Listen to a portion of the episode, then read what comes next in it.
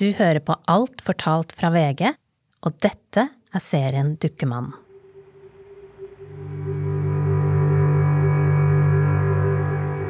Jeg begynte å klage litt til Varhaug. Ikke bebreide ham, men mer vise frustrasjon over situasjonen. At jeg ikke var kommet nærmere overgrepet. Knut har blitt overbevist av psykologen sin om at han ble utsatt for et overgrep som liten. Og da sa jeg også nå har vi jo snart prøvd alt. Og så sier Varhaug da at ja, men vi har fortsatt et S i ermet. Hva mente han med det? Det turte jeg ikke å tolke der og da. Men man skal jo ikke ha rare fantasien til for å skjønne hva det kan være. Og det gjorde meg veldig redd.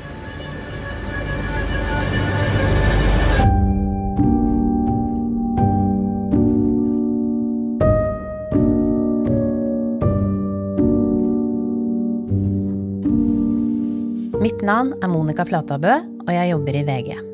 Det siste året har jeg undersøkt hvem psykolog Sverre Vareig var, og hva han gjorde mot Knut og andre pasienter. Det er jo psykopatisk, ikke sant? Ondskap, en villet ondskap. Da satt den i hjørnet igjen, inne på soverommet vårt. En person da som en på forhånd ikke tenkte i sine villeste fantasi kunne holde på med noe Han var veldig stiv i kroppen, blek i ansiktet. Vi oppfattet han som en liten dukkemann.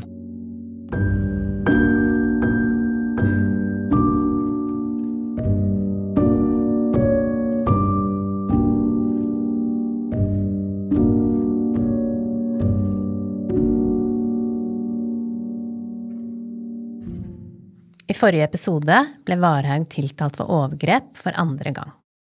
Knut vitnet falskt og fortalte aldri om overgrepene han ble utsatt for i terapitimene. Men Varhaug ble dømt likevel. Han mister retten til å jobbe som psykolog for alltid, og han må i fengsel.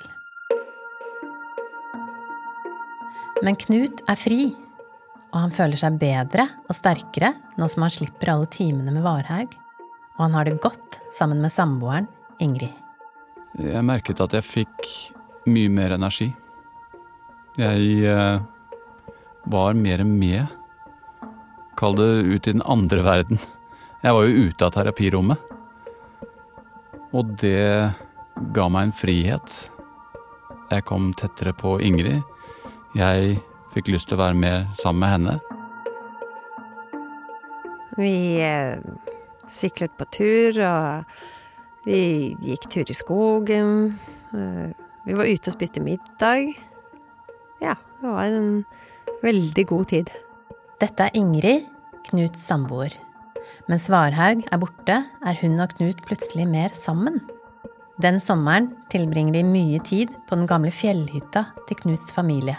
Den var veldig forvallen, og så regna det veldig.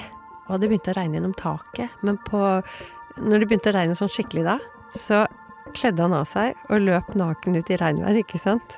Og vi holdt på å le oss i hjel. Jeg husker den følelsen av å løpe naken i regnværet. Men det var jo ingen folk rundt der, da, så vi var helt alene. På fjellet.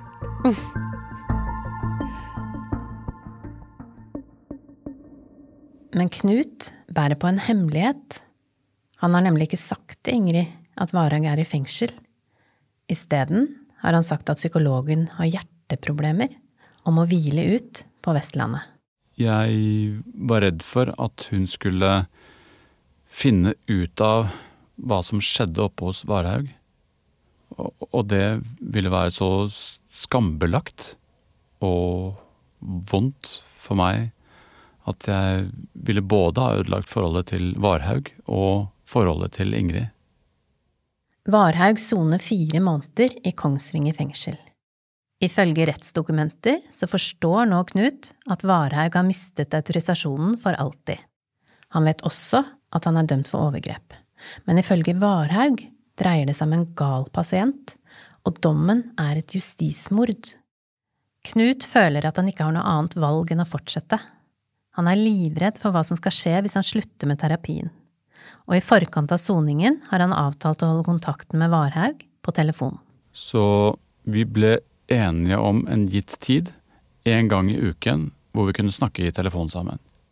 I en av disse samtalene spør Varhaug om Knut kan gjøre ham en tjeneste.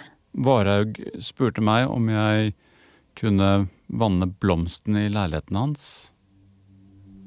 Gjorde du det? Jeg gjorde det. Varhaug bor i en terrasseleilighet ved Røa i Oslo. Det er et grønt og stille område. Det var en entré, et soverom, stue med åpen kjøkkenløsning, mørk leilighet, vinduer bare på én av fire sider. Inne i stuen så hadde han et bilde, husker jeg, en kulltegning som var veldig fin. Noen få streker som markerte to menn stående tett mot hverandre. Det er ikke første gang Knut er her. Allerede før Varhaug starta soningen, så flyttet han praksisen hjem til leiligheten sin. Men nå som Knut er her alene, så ser han alt med nye øyne.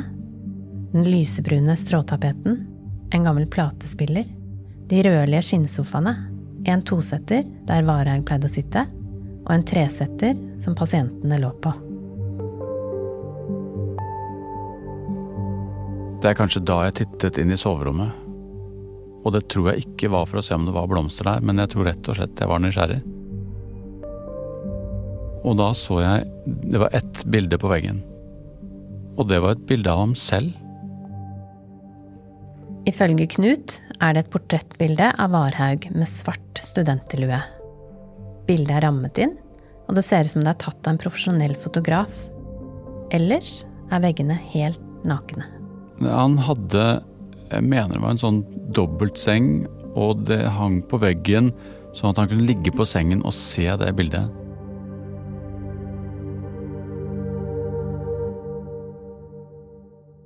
Nå melder det seg noen tanker hos Knut. Han merker at han blir mer skeptisk til Varhaug og terapien de har holdt på med. Så skeptisk at han en dag ringer Psykologforeningen. Og spurte om eh, de kjente til Varhaug.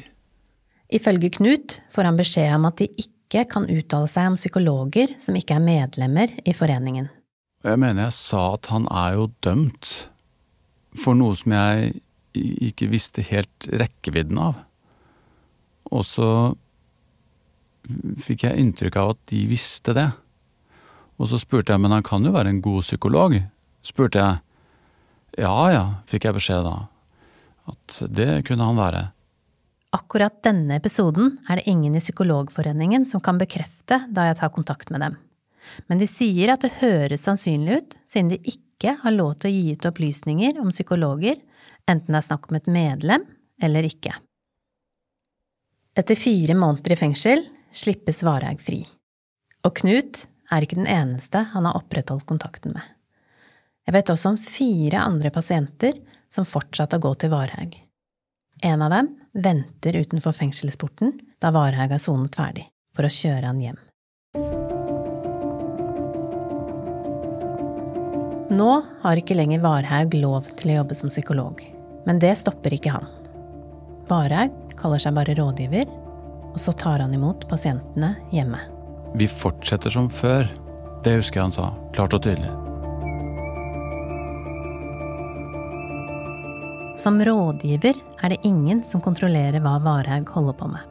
Politiet er ferdig med han, han har jo sona dommen sin, og helsemyndighetene har ikke noe ansvar for han, for han er jo ikke lenger psykolog. Hjemme i leiligheten på Røa sier Varhaug at de må ta igjen det tapte. Nå intensiverte han terapien, så jeg begynte å gå der hver dag. Og det var da dobbelttimer. Tenk deg selv. Du jobber fulltid, og ti timer i uka er du hos en psykolog. Når du er ferdig der, så må du gå hjem og tenke på det som skjedde i terapien. Det har psykologen bestemt. Og etter det så må du ringe han. Og det var jo ikke så veldig mye tid igjen for andre opplevelser. Hjemme i leiligheten til Varhaug blir overgrepene også mer brutale. Senere, i avhør, skal han si at han følte seg friere nå som pasienten hans ikke lenger var beskyttet av loven. Så begynte han å stikke fingeren inn i rumpa på meg. Og så husker jeg at han etter eh, en time rett etter sa det, at det var viktig å få til det. For det kunne bringe meg nærmere erindringen. Fordi det kunne ligne litt på overgrepet fra barndommen. Hva tenkte du om det? Det er klart det, at hvis jeg har vært offer for overgrep som liten, så kan jo det ligne. Knut, som lenge har følt seg sterk og frisk, blir dårligere igjen. Om nettene liggende i senga ved siden av Ingrid kommer marerittene, og de er eklere enn noensinne. Jeg begynte å få mareritt om at jeg gikk i forråtnelse og mistet lemmer. Jeg opplevde at eh, jeg hadde dyr etter meg som eh, rev meg i filler og spiste meg opp, mens jeg fortsatt levde. Og jeg ropte hjelp, hjelp, vekk meg, vekk meg, skrek ut i luften og ikke greide å våkne ordentlig selv. Jeg måtte ristes. Han var ganske kjørt. Det tok litt tid før han på en måte var seg sjøl, da. Da måtte jeg opp. Da fikk jeg ikke sove igjen. Han var frustrert og måtte ofte ut og løpe. Han kunne løpe flere mil mange dager etter hverandre. Knut drar ut i skauen for å løpe. Han tenker over hvorfor han ikke blir bedre. Hva gjør han galt? Knut tenker på det Varhaug har sagt om Ingrid i terapien. Det er ikke sikkert hun er din type dame. Han sa også en gang at uh, du skjønner, Ingrid kastrerer deg. Å ha det godt med henne, det var det samme som å stikke av fra terapien. Det var å svikte meg selv fullstendig. Og uh, det ga også Varhaug klart uttrykk for. Knut har vært kjæreste med Ingrid i ni år nå. Er det sånn at han må gjøre det slutt for å bli bra?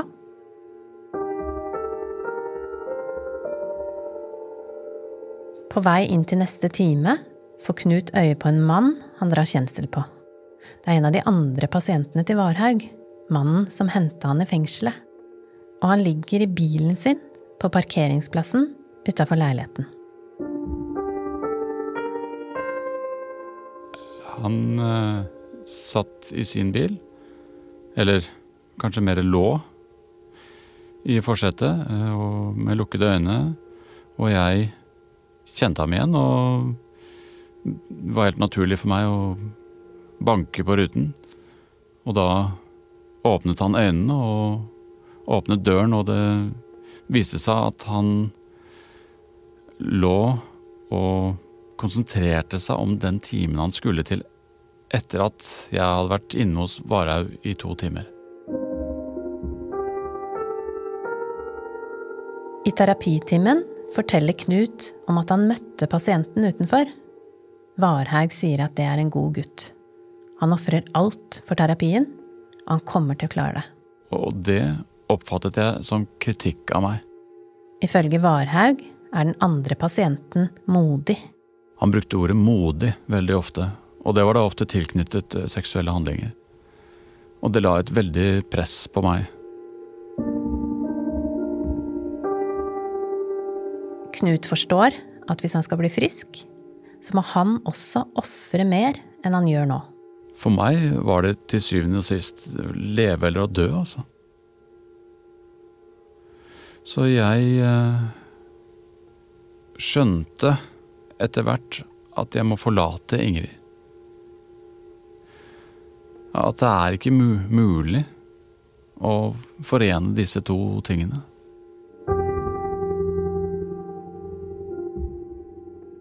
I bilen hjem gråter Knut så fælt at han må stoppe. Jeg måtte kjøre til siden og vente fordi jeg ikke så.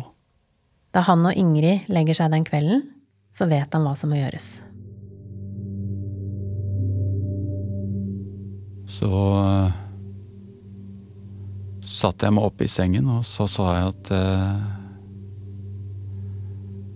Jeg tror ikke jeg kan være her. Og Og så reiste jeg meg opp og kledde på meg.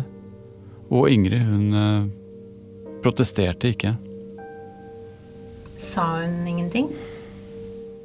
Hun sa nok en del ting, men jeg husker ikke. Men jeg tror hun hadde resignert. Han Han var mannen min, ikke sant? Varhaug tok fra meg mannen min. Jeg har ikke truffet noen annen mann som har vært så god som Knut. Jeg skulle få mange barn med han og bli gammel med han, jeg.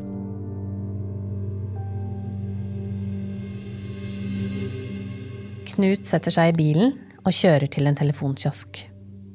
Så ringte jeg Varhaug, og så fortalte jeg at det var slutt mellom Ingrid og meg. Så var det stille et par sekunder i telefonen, og så sa Varhauge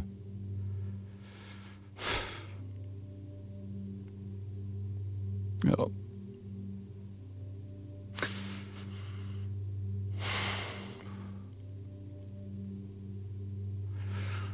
Så sa Varhaug ehm, dette er tegn på vekst, sa han. Og mer husker jeg ikke av den samtalen. Men det har brent seg inn i hodet mitt.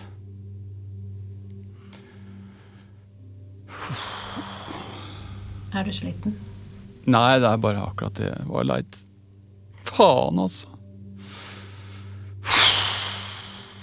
Tegn på vekst.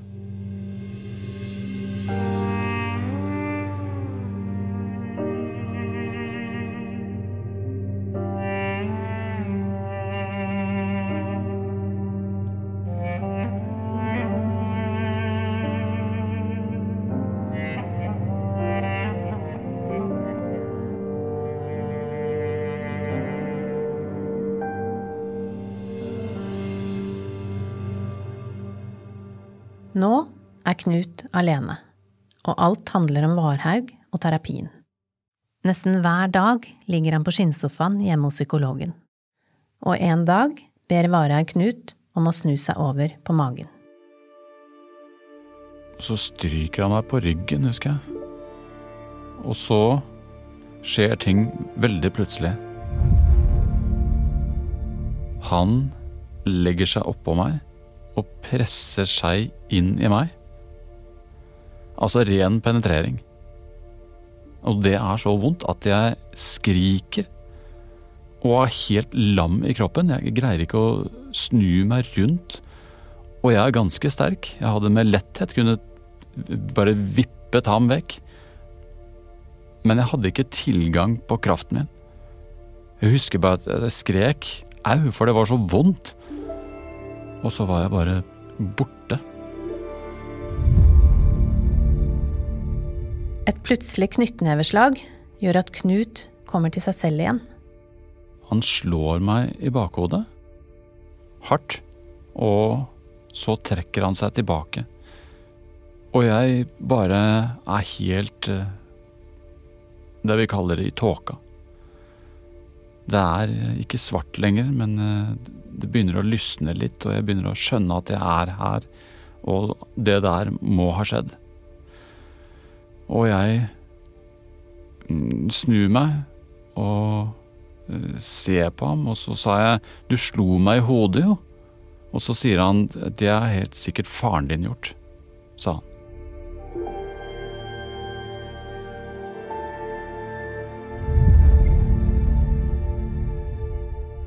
Og så kan man jo spørre seg, da burde jo jeg ha reist meg opp og gått. Blitt så sint at jeg tok livet av ham. Men eh, jeg var helt lamslått. Tåkelagt i hodet.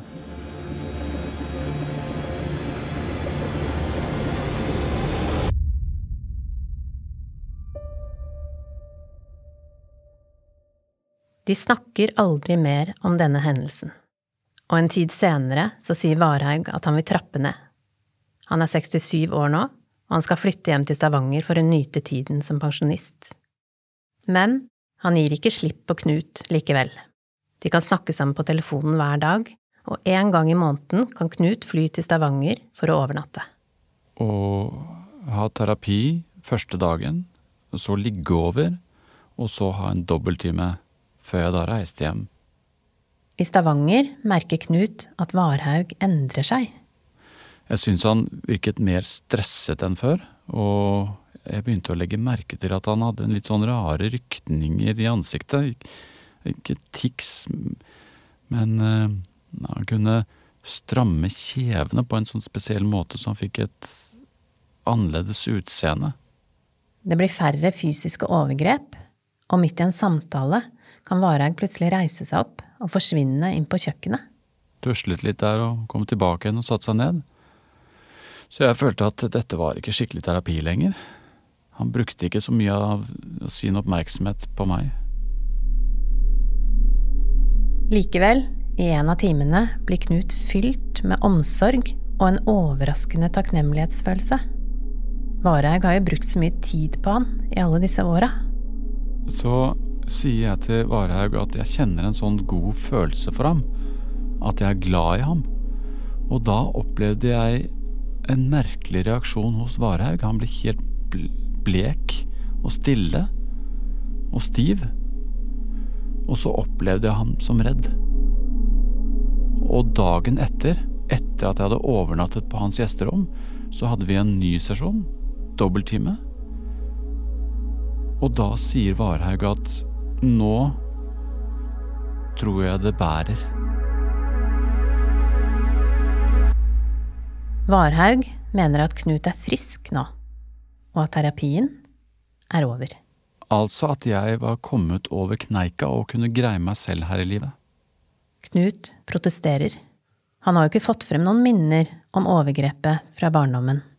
Jeg, jeg er jo ikke i mål, så sier han at nei, noen får gull og andre får bronse.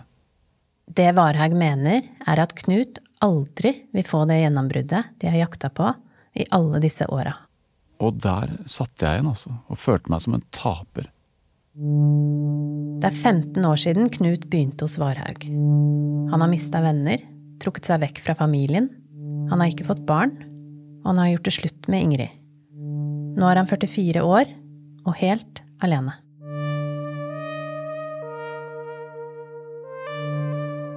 Han ga meg opp, og det skulle jeg komme til å erfare betød mer for meg enn jeg kunne ane, altså.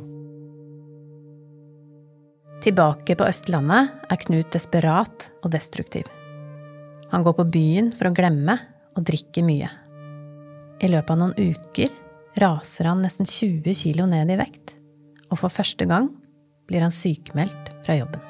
Jeg, jeg følte alt gikk til helvete, og ting rundt meg betød mindre og mindre. Og jeg hadde ingen å gå til. Knut ringer Varhaug, men han sier nei. Han vil ikke se Knut mer. Han vil ikke jeg skal komme, og avviser meg veldig bestemt. Likevel setter Knut seg på flyet til Stavanger og oppsøker Varhaugs leilighet. Jeg står foran døren hans, og jeg banker på, men det kommer ingen. Så prøver jeg å ringe ham igjen, og han tar ikke telefonen. Og det er eh, en av de få gangene jeg har ringt Varhaug, og det er mange, mange hundre ganger, at ikke han tok telefonen. Det jeg kjente foran den døren der, det har jeg aldri opplevd før. Ifølge Knut er det som om kreftene forsvinner og alt blir svart. Dette holder jeg ikke ut lenger, så jeg begynte å fantasere om å ta livet mitt.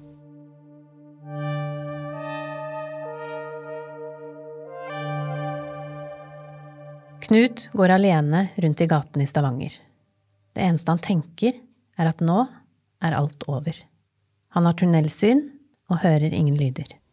Jeg har mistet alt, jeg har ingenting igjen. Hele livet er eh, ødelagt. Men så melder det seg noen tanker.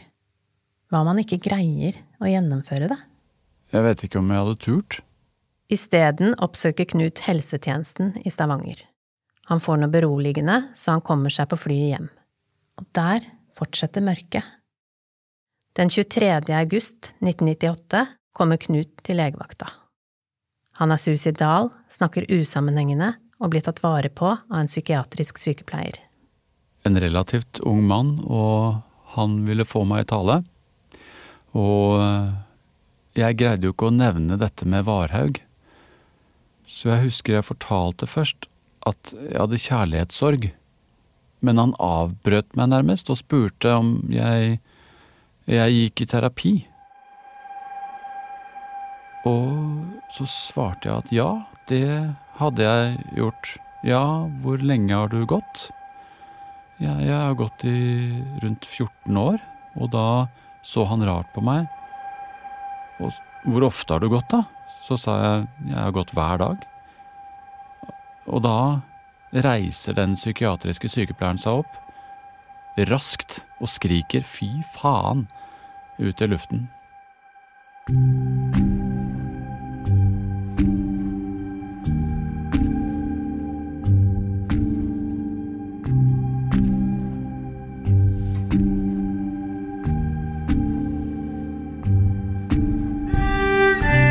I neste og siste episode forstår endelig Knut hva han og Varhaugs andre pasienter har blitt utsatt for. Det han har stått for, det er jo en serie med overgrep. Jeg åpner døra, går inn og setter meg og sånn. Og så sa jeg vel egentlig bare rett ut at eh, er det tilfelle at du har vært dømt en gang før? Viste Varhaug noe anger? Anger? Han mente at han overhodet ikke hadde gjort noe galt. Så snur Varhaug seg mot meg og skriker 'din idiot'. Dukkemannen er laget av meg, Monica Flatabø og VG i samarbeid med Svarttrost. Etter å ha jobba med dette, så tror jeg at det er flere ofre der ute. Hvis du vet noe om denne saken, så vil jeg gjerne høre fra deg. Så vi har satt opp et telefonnummer der du når som helst kan legge igjen en beskjed. Nummeret er 936 85 275. Og du kan også sende oss en e-post på dukkemannen at vg.no. Produsent og lyddesign av Sindre Leganger. Dramaturg er Benjamin Ree, og konsulenter er Jane Tronsen og Emilie Hall Torp. Sluttmiks med Ronny Furevik. Reportasjeledere er Svein Kjølberg, Synnøve Aasebø og Anders Schot Knutsen. Og redaktør er Gard Steiro. Knut og Ingrids sitater leses av Kristoffer Steib og Marit Synnøve Berg, og er ordrett det samme som de har fortalt i intervjuer med meg. Knut og Ingrid er ikke deres virkelige navn. Opplysningene i serien er også basert på dommer, sakkyndigrapporter, journaler fra sykehuset og avhør. Trenger du noen å snakke med? Da kan du ringe hjelpetelefonene til Mental Helse, Røde Kors eller Kirkens SOS.